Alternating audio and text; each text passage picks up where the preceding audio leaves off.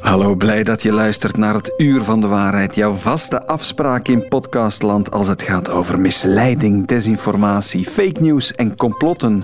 Bijvoorbeeld was er één welbepaalde Romeinse keizer eigenlijk een transvrouw. Om zich van zijn mannelijke geslachtsdelen te ontdoen en in plaats daarvan een eh, vagina in zijn lichaam te laten implanteren. Wie gelooft al die eeuwige kortingen nog? Black Friday, the Mid-Seasons.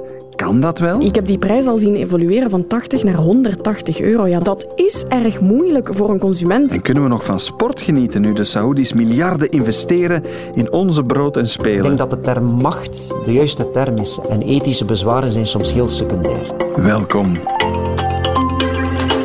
Het Uur van de Waarheid. Met Dennis van den Buis. We vroegen ons deze week op de redactie af met alles wat er gebeurt rond Black Friday. Ik weet niet hoeveel mails jullie gekregen hebben, maar ik denk dat ik heel mijn huis kan behangen ermee als ik ze zou afdrukken, de promoties en de folders er dan ook bij.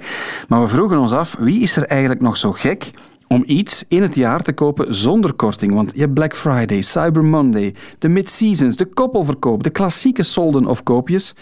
Ja, wat moet een mens daar eigenlijk van maken? Wie is wie aan het misleiden, vroegen wij ons af.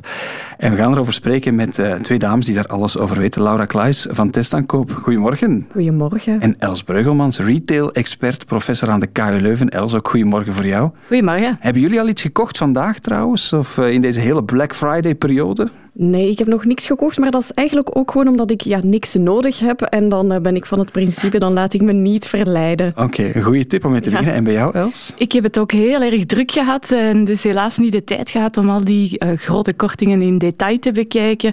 En ik heb mij ook niet laten verleiden in impuls om toch nog eens snel iets mee te nemen. Want het is heel verleidelijk. Um, maar Laura, klopt het idee dat we hadden op onze redactie van het is tegenwoordig toch eigenlijk altijd ongeveer korting. Dat blijft maar toenemen, die periodes. Um, ja, dat lijkt zo. Het is vooral zo dat we nu die Black Friday-periode wel echt langer zien worden. Maar dat is nu wel echt het typische voor, de, voor elektronica. En die elektronica, ja, dat is dan wat minder met die historische koopjesperiodes in de zomer en de winter. Daar zijn het dan meer de kleren. Um, maar ja, voor de consument uh, komt het er allemaal op hetzelfde neer, precies. Al, al, het is gewoon heel het jaar door uh, wel ergens een korting. Mm -hmm. en, en dus stelde ons de zijn we dan gek, Els, als we iets zonder korting kopen op dit moment in ons leven? Nee, ik denk niet dat je gek bent als je zonder korting koopt. Hè. Er zijn mensen die ook naar andere dingen dan prijs alleen kijken. Hè. Als dienstverlening, assortiment voor jou heel belangrijk is, voel je dan absoluut niet ongemakkelijk als je vandaag of gisteren of in heel die kortingsperiode niks koopt in korting. Dus uh, nee, we zijn absoluut niet gek. Het is niet dat we dan sowieso een hogere prijs betalen in 2023 voor een product, gezien al die andere kortingperiodes als we daar buiten vallen? Goh, um, ik denk dat het ook vooral dat je de vraag moet stellen: wanneer heb ik het nodig? Wanneer wil ik het ook per se? Wil je altijd meteen het nieuwste? Ja, dan hangt daar een prijs aan vast. Uiteraard zeg je voor jezelf: ja, ik kan wel even wachten. Ik hoef niet per se die nieuwste iPhone. Dan kan je een jaar wachten tot er weer een volgend model uitkomt en dan zijn die ja, altijd weer goedkoper. Um, dus veel hangt af van wat je zelf wil of nodig hebt. Hè. Valt je stofzuiger stuk en heb je er meteen een nieuwe nodig en kan je niet wachten tot Black Friday? Ja, dan kan je niet wachten. -hmm. Ja, kwam ook wel in het nieuws afgelopen week. Wat is een korting? Dat dat niet altijd even helder is. Wat zegt de wetgeving daar eigenlijk over, Els? Wanneer mag iets geafficheerd worden als een korting? Ja, je moet um, als uh, winkel um, de uh, laagste prijs van de afgelopen 30 jaar laten zien als referentieprijs. 30 dagen. 30 dagen, sorry. Ja, ja dat zou goed Ja, uh, inderdaad 30, ja, 30 dagen, excuseer. Um, maar het blijft wel opletten als klant, hè, want we, zeggen, we zien niet altijd de referentieprijs. Soms staat daar correct de adviesprijs. Um, dat is de prijs die de producent suggereert aan de winkel. Um, dat is iets anders dan de referentieprijs. Hè. Ja, die ik had dat met een, een vaatwasmachine die ik recent moest kopen. Uh, ja, al die aanbieders gingen onder de adviesprijs. Ja, ja. Zegt dat nog iets? Of is dat gewoon iets waar iedereen onderduikt op dit moment? De reguliere prijs ligt zelfs soms al onder die adviesprijs, dus die uh, is hoger en dan lijkt de korting natuurlijk groter te zijn als je die als benchmark zet. Ja, maar zeggen jullie toch, vaak wordt dat dan ook in kortingsperioden, zoals nu rond Black Friday, misbruikt om te zeggen, kijk eens hoeveel geld er afgaat van die adviesprijs, terwijl eigenlijk, je moet die nergens betalen. Dus die korting is veel kleiner dan ze ons doen geloven. Mhm, ja, dat is de marketingdruk erachter natuurlijk. Hè? Van je te doen geloven dat je eigenlijk meer gaat besparen dan je eigenlijk bent aan het besparen. Maar dat mag dan toch niet, want je moet de, la de laagste prijs van de afgelopen 30 dagen afficheren, hoor ik jullie ook zeggen. Referentieprijs. En op het moment dat men zegt, dit is de adviesprijs, ja, dan is het weer correct natuurlijk, want dan uh, geeft men de adviesprijs weer. Mm -hmm. Ja, al hadden jullie van testaankoop ja. toch ook grote bedenkingen bij Black Friday folders lange tijd, hè? over het juiste afficheren van korting. Ja, ja, omdat de wet natuurlijk zegt van zodra je kortingen meegeeft, moet je die referentieprijs meegeven. En winkels zeggen dan van ja, maar wij geven geen kortingen, wij geven gewoon een nieuwe prijs, een Black Friday prijs dan. En dan uh, is er geen sprake van een korting. En dan moeten we die referentieprijs niet meegeven. En ter informatie zetten we er dan nog de adviesprijs mee. Ja, dat gaat voor ons toch een beetje in tegen wat die wetgeving eigenlijk bedoelde. En dat was een, een consument correct informeren. Dus we vinden dit toch misschien ja, een manier om de wet een beetje te omzeilen op die manier. Ja, maar het blijft gebeuren dan? Ja, het blijft gebeuren omdat ja, die wetgeving rond de referentieprijs die bestaat nog maar een jaar. Dus het is voor winkels ook nog een beetje zoeken, ja, wat mogen we nog binnen de lijnen van de wet? En we zien ze dus toch ja, wat, wat dingen eens uitproberen. Nu, dit is wel een praktijk die we ja, waarschijnlijk ook weer bij de economische inspectie een keer gaan voorleggen om te laten officieel beoordelen van ja, valt dit binnen die wetgeving van de referentieprijs, ja of nee? En is dat ja, oké, dan is dat voor iedereen meteen duidelijk.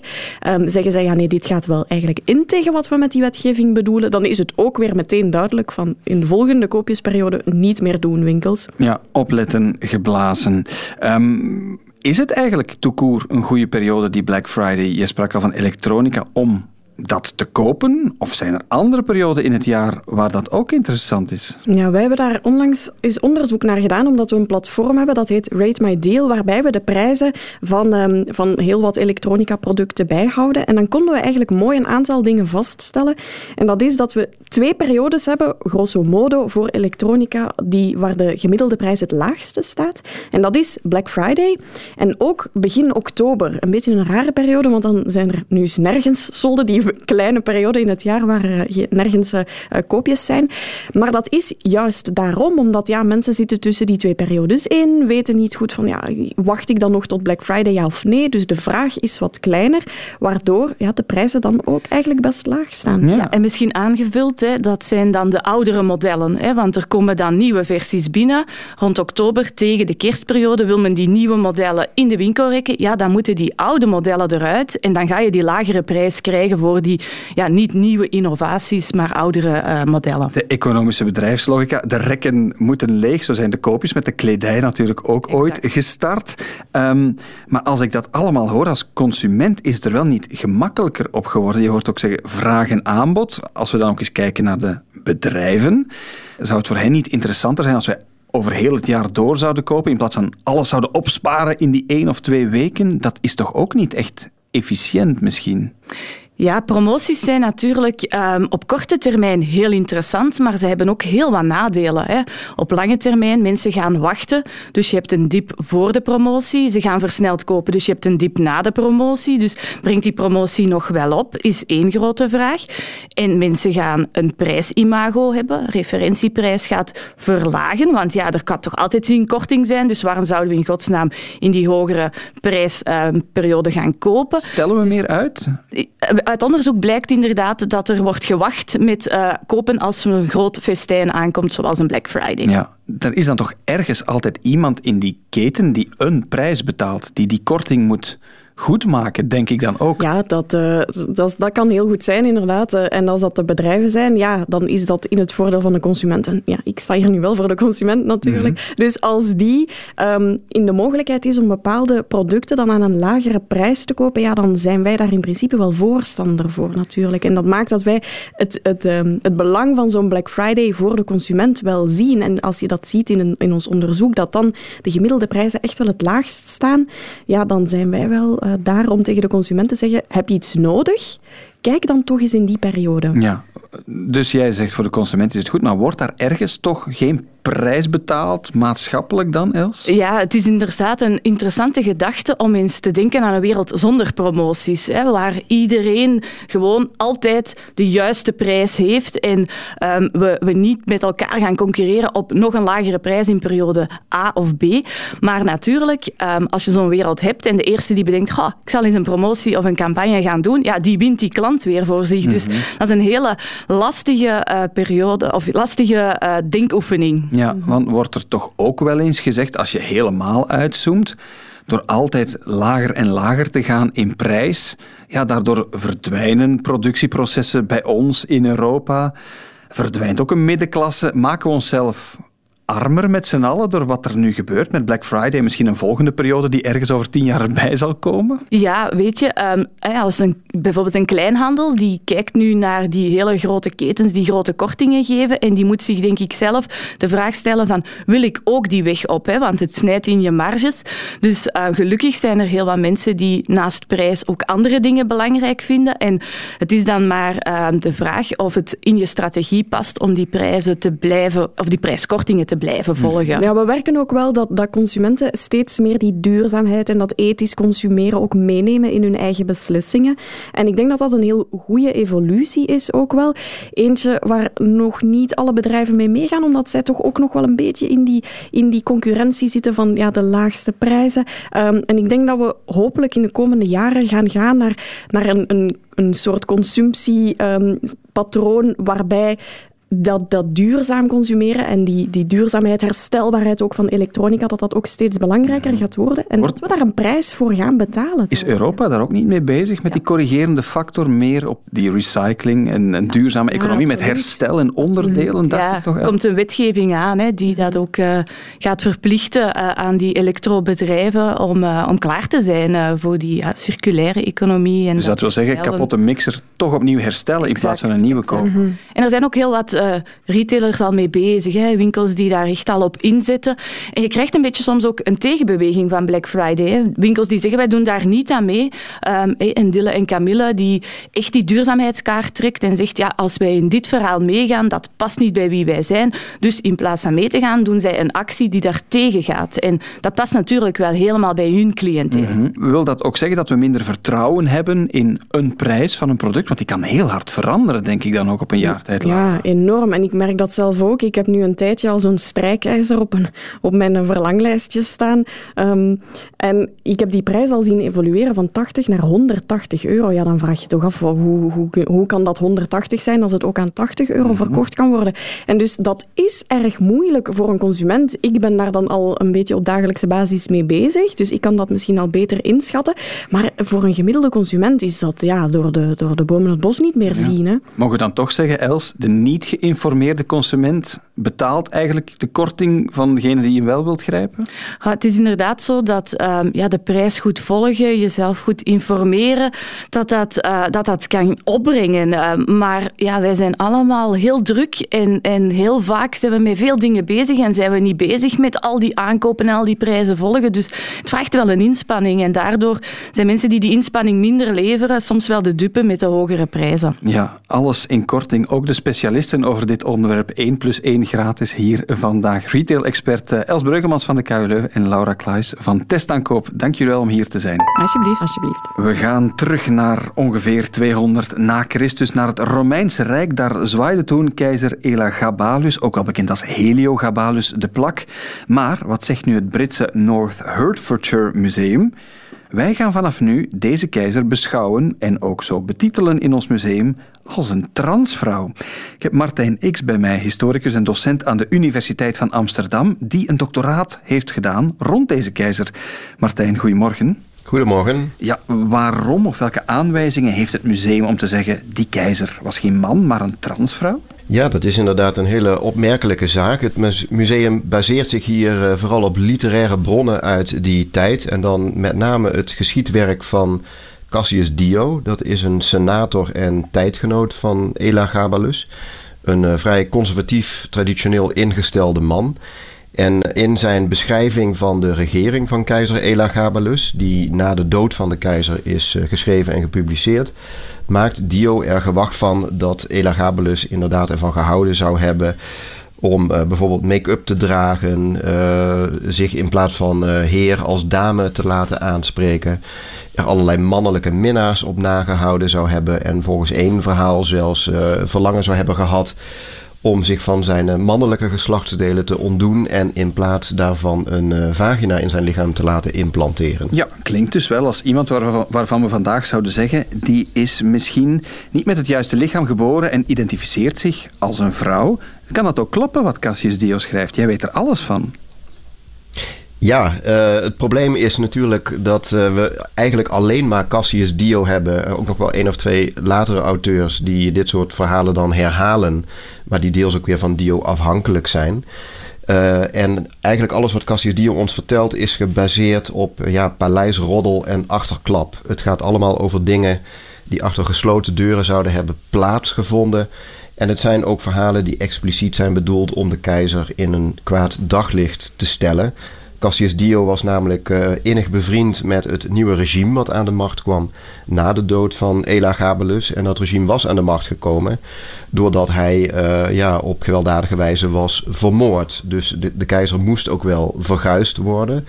En het zou voor Cassius Dio, mocht je het al gewild hebben, ook heel erg moeilijk zijn geweest om iets positiefs over hem te schrijven. Ja, maar wat, zijn geschiedwerk is eigenlijk één lange aanklacht tegen Elagabalus. Wat jij vertelt, dat neem ik aan, is alom geweten toch in kringen van historici. Hoe komt het dan dat dat ene museum in Groot-Brittannië nu zegt: wij geloven toch die versie van Cassius Dio, we gaan al onze plaatjes bij wijze van spreken aanpassen en zeggen: Elagabalus was een transvrouw. Ja, nou in de eerste plaats kun je natuurlijk uh, nooit uitsluiten dat er wel iets van waar is. Tegelijkertijd denk ik wel dat het museum ook de neiging heeft om uh, ja, deze bronnen wel erg letterlijk te nemen. Niet te kijken naar bijvoorbeeld uh, allerlei niet-literaire bronnen die we ook hebben. Dus we hebben bijvoorbeeld bustes van deze keizer, we hebben munten, we hebben inscripties. En daarin staat hij echt onomwonden als mannelijk te boek. Hij heeft zelfs uh, in zijn latere portretten een beginnende baard en snor. Dus daar is niets androgyns of transgenders aan eigenlijk. Uh, als je dat bekijkt. Um, en het past denk ik vanuit het museum bezien ook heel erg goed in een trend van deze tijd. Hè, waarin we heel erg bezig zijn met transgender, met seksuele identiteit, uh, met wokeheid enzovoort enzovoort. Uh, en dan is het heel verleidelijk om deze bronnen ook op die manier te gaan lezen, omdat je daar dan een heel mooi icoon erkent. Uh, herkent, sorry, uh, van iets wat in de eigen tijd ook heel erg leeft. En ja. wat dus ook aansluiting zal vinden bij een deel van het hedendaagse publiek. Het feit dat Cassius Dio wel dit gebruikt om die keizer in een slecht daglicht te stellen, moeten we daaruit ook afleiden dat in die tijd, 200 na Christus, dat het ook not done was om je als vrouw te, te identificeren als Romein? Uh, ja, dat was zeker een probleem. Uh, en dat was helemaal een probleem als je de Romeinse keizer was. Want de keizer werd geacht eigenlijk ook het summum van uh, mannelijkheid te zijn. Hè, dominantie en macht en al dat soort dingen. militaire cultuur werd allemaal heel erg met mannelijkheid geassocieerd. Dus je ziet ook dat uitgerekend bij keizers die een slechte reputatie hebben uh, altijd postuum wordt verteld. Oh, ze waren ook heel erg verwijfd. Of uh, ze droegen graag make-up. Of ze, ze sliepen met andere mannen. Dat wordt verteld over Nero bijvoorbeeld. Dat wordt ook verteld over Commodus en andere stereotype slechte keizers. Dus het is echt een soort stok om de keizer mee te slaan. Want eigenlijk zegt Cassius Dio hiermee. Uh, hij was niet geschikt voor de plek waar hij zat. Want een, een, keizer moet gewoon een echte man zijn. Punt. Ja, als ik dat hoor, dan was het wel geen gemakkelijke tijd. Gesteld dat iemand als Heliogabalus of iemand anders effectief wel die gevoelens zou hebben. Ja, het maakt natuurlijk wel heel erg uit of je keizer bent of uh, gewoon zomaar iemand. Als keizer sta je natuurlijk ook wel heel erg in het brandpunt van de aandacht en heeft ook iedereen een oordeel over je. En dan uh, zijn inderdaad uh, de morele en, en normatieve grenzen vrij nauw. als jij gewoon een, een, een, normale doorsnee persoon was, dan waren er waarschijnlijk wel meer mogelijkheden om ook op een andere manier je seksualiteit te beleven en, en niet helemaal aan dat hele strenge traditionele patroon te voldoen waar uh, Cassius Dio de keizer aanhoudt. Ja. Maar Elagabalus mocht hij inderdaad al uh, nou ja, bijvoorbeeld gevoelens uh, hebben gehad van, van ja, een transgender identiteit of hoe je het wil noemen. Uh, dan, dan zat hij ook wel in de slechtst denkbare positie om die te kunnen uitleven. Ja. Want als keizer was het gewoon not done. Wat dan misschien weer voer of koren op de molen is van de speculatie. Uh, we kunnen niet meer, ook zeker niet postuum, in de keizerlijke onderbroek kijken. Maar als ik het jou als specialist zou vragen, Martijn, was hij een man of een transvrouw? Ik zou uh, zeggen een, een man, omdat, uh, zoals ik al zei, we andere bronnen hebben, zoals munten en, en bustes, die de keizer wel degelijk als mannelijk uh, voorstellen.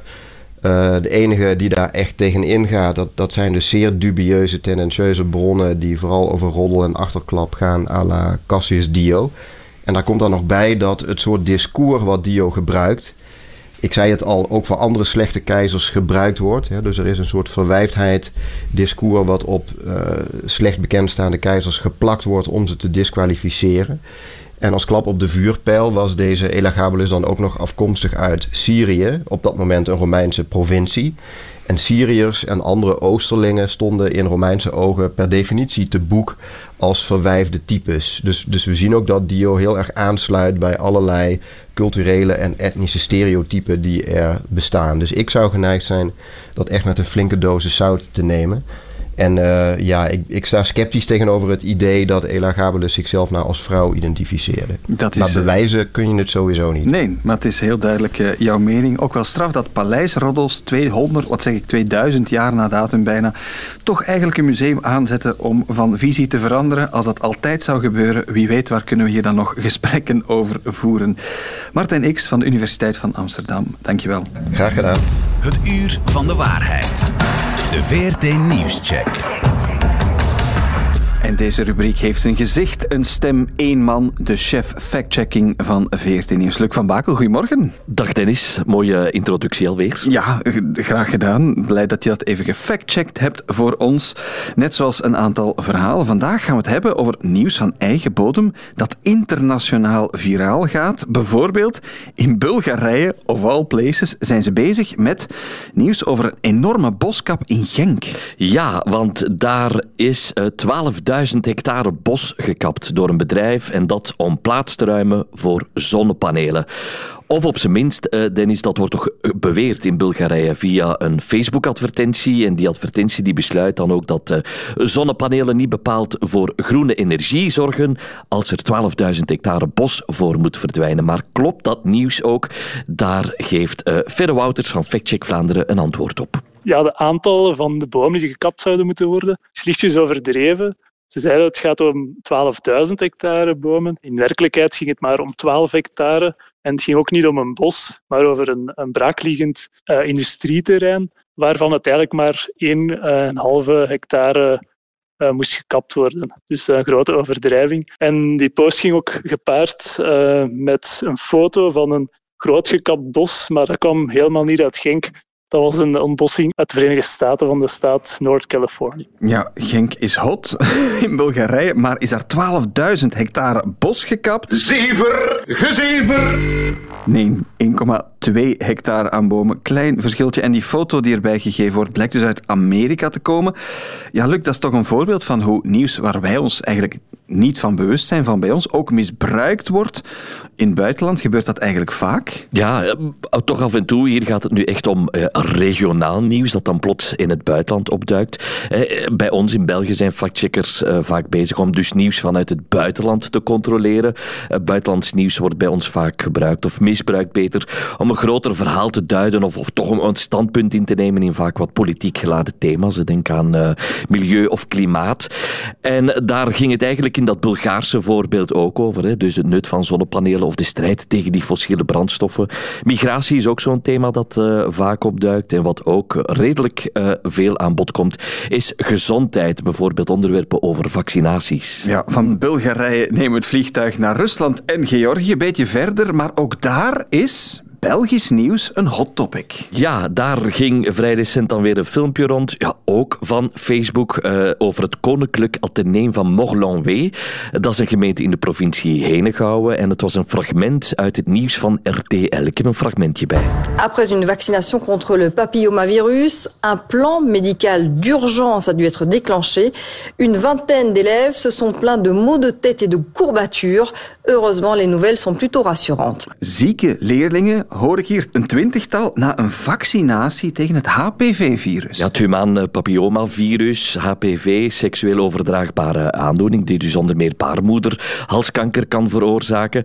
En je hoort die nieuwslezeres, uh, Dennis, als je goed hebt uh, opgelet, ook zeggen dat die laatste berichten wel geruststellend zijn. Eigenlijk waren er dus een paar leerlingen wat onwel geworden.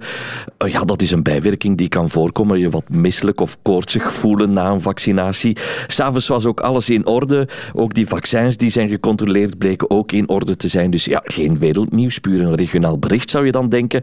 Maar hoe ging dat dan in uh, Georgië rond? Dat is opnieuw gecheckt door Verre Wouters. Ze hebben het laatste fragment uit die nieuwsreportage geknipt waarin werd gezegd uh, dat, er eigenlijk, dat ging om milde symptomen van het vaccin en dat de leerlingen zich al snel weer uh, beter voelden. En opnieuw uh, hebben ze dat gedaan om een, iets in discrediet te brengen. In dit geval ging het dan om vaccinaties. Ja, ja, toch weer zeer handig dat goede nieuws, het feit dat het goed gaat met die leerlingen, dat ze in goede gezondheid zijn, eraf geknipt. Framing samengevat. Er wordt veel te veel gelogen tegen ons.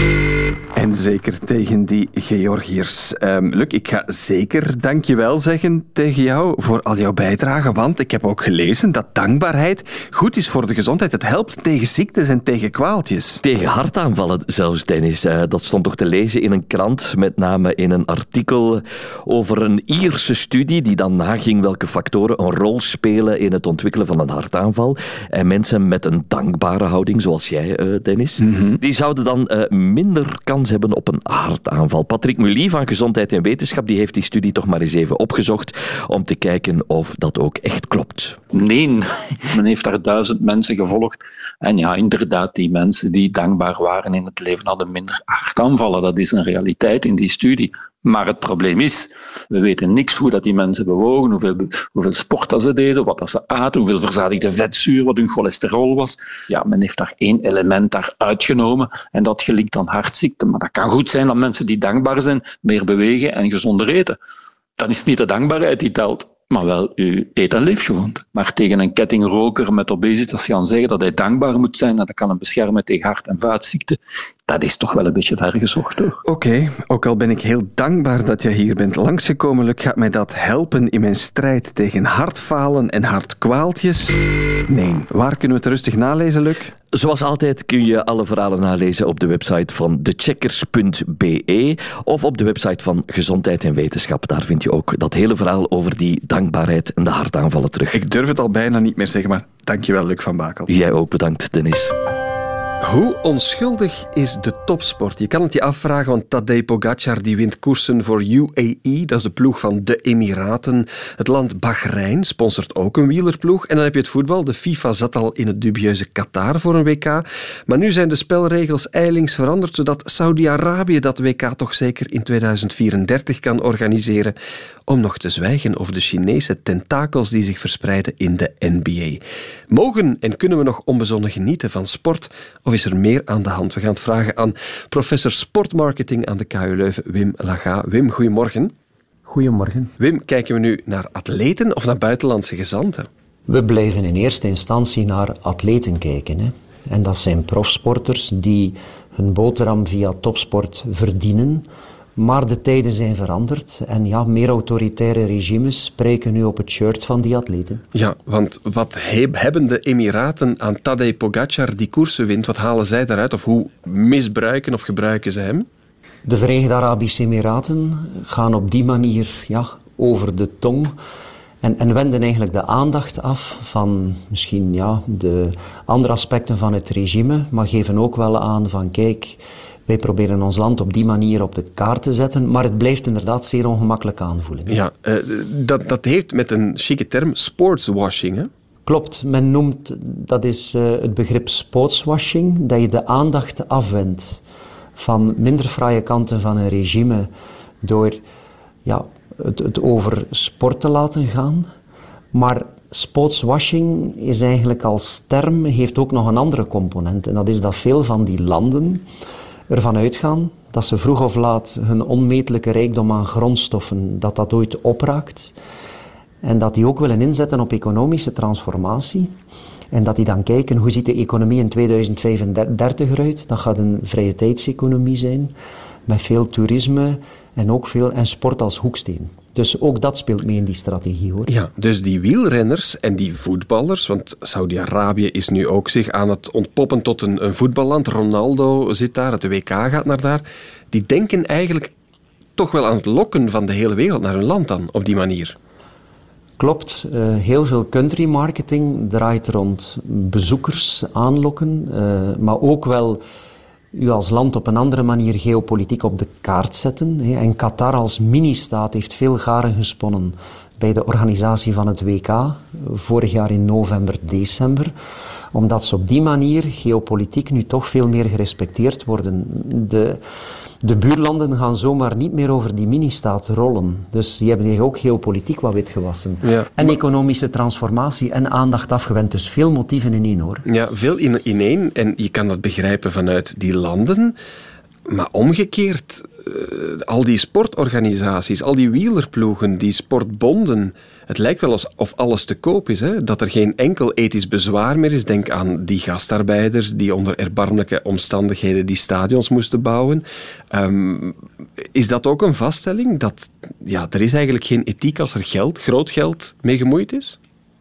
Wel, je hebt hier een dubbele vaststelling. Eerste vaststelling is dat de sportsector in C heel opportunistisch is. Dus die staan onder enorme druk om ja, de, om groene cijfers te kunnen schrijven, die moeten veel inkomsten werven. Heel veel gesprekken met sponsorwervers lopen heel moeilijk, traag of lukken niet. De concurrentie is verschroeiend.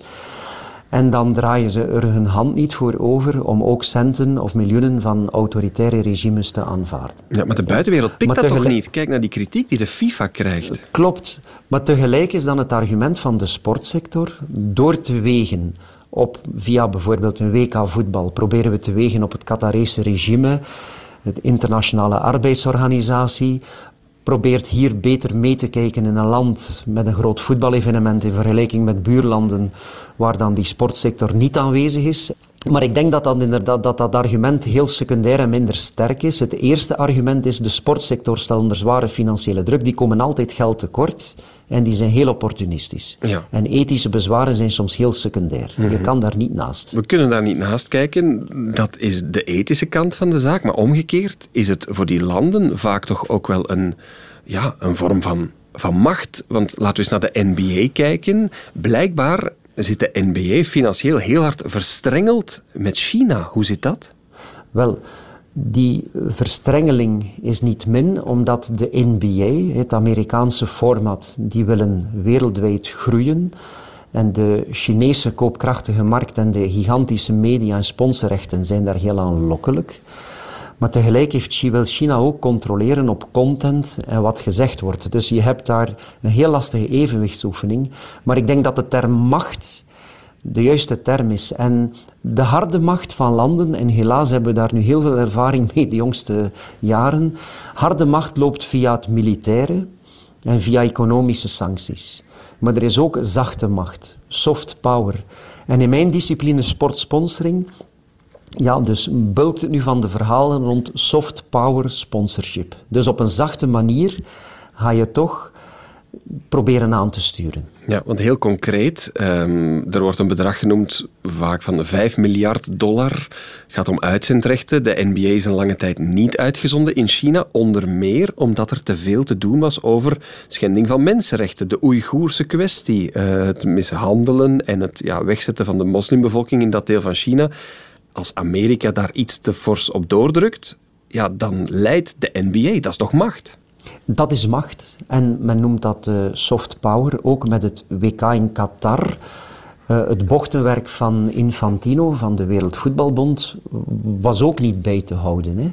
En, en, inderdaad, dan heeft het regime macht. bijvoorbeeld, het Qatarese regime ging anderhalve dag voor de start van het evenement, zegden die toen aan sponsor AB InBev dat hun merk Budweiser, Budweiser het alcoholpilsje mocht niet geschonken worden in stadions. Ja? Dus dat is ook dan zelfs een vorm van macht richting de sponsors. Mm Ja, zijn wij in het Westen ons daar voldoende van bewust? En, want we hebben al vastgesteld, ethiek is er weinig. Ja, als heel de competities verkocht worden, dan, ja, dan zitten we toch een beetje in de binnenzak vaak van wat je ook al zei, autoritaire regimes op dat vlak. Ja, ik denk dat we nu ongeveer dezelfde discussie hebben als een, een kalenderjaar geleden in aanloop naar het WK in Qatar. Ja? Maar wat mij dan opviel, eens uh, de kick-off van het evenement uh, begonnen is en de wedstrijden lopen, dat veel sportfans zich van het WK in Qatar vooral die zinderende finale zullen heel lang herinneren. Mm -hmm. hè? En voor een arenasport, waar die dan plaatsvindt, de sportfan is daar soms redelijk onverschillig voor. Dus de, de, de kijkcijfers wereldwijd waren zeer groot. Die, die finale bleef kleven, ook, ook sportief. Maar in aanloop, en vooral in Europa, was heel veel kritiek. Hé, op Qatarese mensenrechten en regime en werkomstandigheden, arbeiders, heel terecht. Maar dat gaat dan liggen dankzij de sport, dus missie geslaagd ja. eigenlijk. De misleiding is compleet. Klopt. De, de misleiding is, is, is, is inderdaad voor een stuk geslaagd hé, en het sportwashing rendeert. En het viel me zelfs op dat in aanloop naar het WK in Qatar, dan in de andere wereldcontinenten keek men niet met die kritische, strenge Europese ogen, of veel minder toch. Mm -hmm. ja? ja? Maar tegelijk gaat de sportsector zeggen, als wij bijvoorbeeld in een autoritair regime aanwezig zijn, neem nu Saudi-Arabië. Die zijn co-sponsor, tweede naamsponsor van het Jayco Al-Ula-team. Al-Ula is UNESCO Werelderfgoed in Saudi-Arabië. Ik stel toch vast dat die dan toch ook mee moeten inzetten op een vrouwenworldteam. Ja? In het wielrennen zitten we dan. dan toch aan dat de regimes ook soms mee moeten evolueren in een, in een richting die voor de sportsector belangrijk is. En, en ja, dat men via sport soms ook versneld stappen moet zetten. Ja. En, Terwijl en, in autoritaire regimes waar sport niet actief is, weegt men soms veel minder op die zware mensen, uh, dossiers waar mensenrechten geschonden worden. Ja, er kunnen ook wel stappen gezet worden, zeg je. Dat, dit zijn nu vooral verhalen van de grote sport. We hebben het over het WK gehad, NBA. Speelt dat ook in eigen land? Want dat hoor je ook vaak, hè, dat buitenlandse overnemers overal zitten, ook in kleinere voetbalploegen. De Alibaba League in plaats van de Jupiler Pro League, zou het kunnen? Heeft, heeft dat gevaren? Wel, twee weken geleden was daar het gerucht of het feit dat jawel KFC Diest in, in derde amateur, dat daar plots een Saoedi-Arabische eigenaar opdook. Dus, dus het zit soms al een, een achttal amateurclubs in de Belgische competitie hebben buitenlandse eigenaars. Dat heeft dan ook te maken met het feit dat de Belgische voetbalcompetitie heel laks gereguleerd is, weinig voorwaarden stelt op het uh, opstellen van niet-Europese Unie-spelers. En daar krijg je heel vreemde managementconstructies met, met buitenlandse eigenaars. Maar ook Puur economisch, of is dat ook die soft power die wat begint door nee, te werken? in het voetbal speelt hier eigenlijk puur economisch. Je hebt daar goudzoekers en strontvliegen die elkaar omverlopen, op zoek naar het vlugge geldgewin op de transfermarkt. Hè. Dus uh, maar dat is eigenlijk... Maar ik hoor jou ook uh, wel zeggen, door gebrek aan strenge regels staat die deur in België toch ook wel op een kier. Iets te veel misschien, als ik jou zo hoor. Die deur staat wagenwijd open in België en sporteconomen vragen al decennia aan de federale overheid om hier strenger te reguleren. Ik denk het verhaal van Eupen en Aspire Academy, dat had veel te maken met de aanloop en mede voorbereiding van het WK voetbal in Qatar. Dus daar, daar had je nog een stuk een, een sportief verhaal, maar voetbal is heel casino-kapitalistisch gedreven. Hè. En in, in de voetbalsector probeert men ook ja, mee het verschil te maken op die transfermarkt. En dat, dat blijkt enorm te lokken, dus daar gaan vooral economische motieven spelen. Mm -hmm. Maar wat toch ook wel belangrijk is, wat je in het geval van Saudi-Arabië niet mag onderschatten, is die economische transformatie. Hey, dus Mohammed bin Salman, die met veel te strenge hand regeert over zijn land en die mensenrechten à volonté schendt, uh, die heeft ook wel een Vision 2030. En zijn onmetelijk rijk staatsconsortium, het Public Investment Fund, investeert zich suf in de sportsector, ook omwille van die economische transformatie. Dus Newcastle United, Formule 1, de Dakar Rally vindt in Saudi-Arabië. Het is veel gemakkelijker om sporttakken op te sommen waar ze al niet in verstrengeld zijn. Dus de jongste vijf jaar, Saudi-Arabië is daar een echte gamechanger. Ook in golf, dacht ik, hè, om nog maar door te gaan. Ook, ook daar zijn ook, ze in bezig. Voilà. Dan is misschien de slotvraag, Wim. Het gebeurt, we staan erbij, we kijken ernaar. Er zijn goede kanten, slechte kanten. Laat de gemiddelde sportkijker zich toch een beetje rollen door wat er gebeurt, of niet echt? Hij laat zich soms rollen. En, ik heb daar een, misschien het strafste voorbeeld van sportswashing, wat ik het jongste decennium ontmoet heb. Dat is het verhaal van het Katyusha wielerteam. dus de, Alex, de Noor-Alexander Christophe wint de Ronde van Vlaanderen in 2015. Katyusha wint. Katyusha vecht tegen de elementen. Sterk gespeeld van Katyusha. Katyusha, hou je goed vast, beste luisteraars en Dennis. Katyusha is de koepelnaam van een Russische bommenwerper waarmee men de Duits verslagen heeft in de Tweede Wereldoorlog. Dat is het Stalin-orgel. Dat is ook een heel patriotisch lied, een heel agressief militair lied. Dus Katyusha was de koepelnaam waaronder Russische technologische en andere bedrijven, soms ook foute bedrijven, eh, in, in verstrengeld zaten. Waren overheidsfondsen samen. Dus we werden daar met z'n allen wel een beetje te grazen genomen. Hè.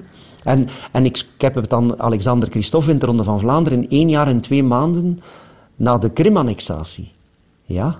Dus ik vind dat wel een heel grotesk voorbeeld, een strafvoorbeeld mm van mhm. spootswashing. Oké, laten we met z'n allen waakzaam blijven. Wie er trouwens meer over wil weten, die kan terecht in jouw boek dat je geschreven hebt, Wim, waar dit ook eh, onder meer in aan bod komt. Sneller, groter, gekker. Wim Laga, professor sportmarketing aan de KU Leuven. Dankjewel voor deze babbel. Graag gedaan. En daarmee zit deze podcast van het Uur van de Waarheid er weer op. Een co-productie van VRT Nieuws en Radio 1. Wil je meer weten over de wonderenwereld van desinformatie, complottheorieën en fake news? Herbeluister dan alle eerdere afleveringen. Dat kan via de app van VRT Max. Tot de volgende.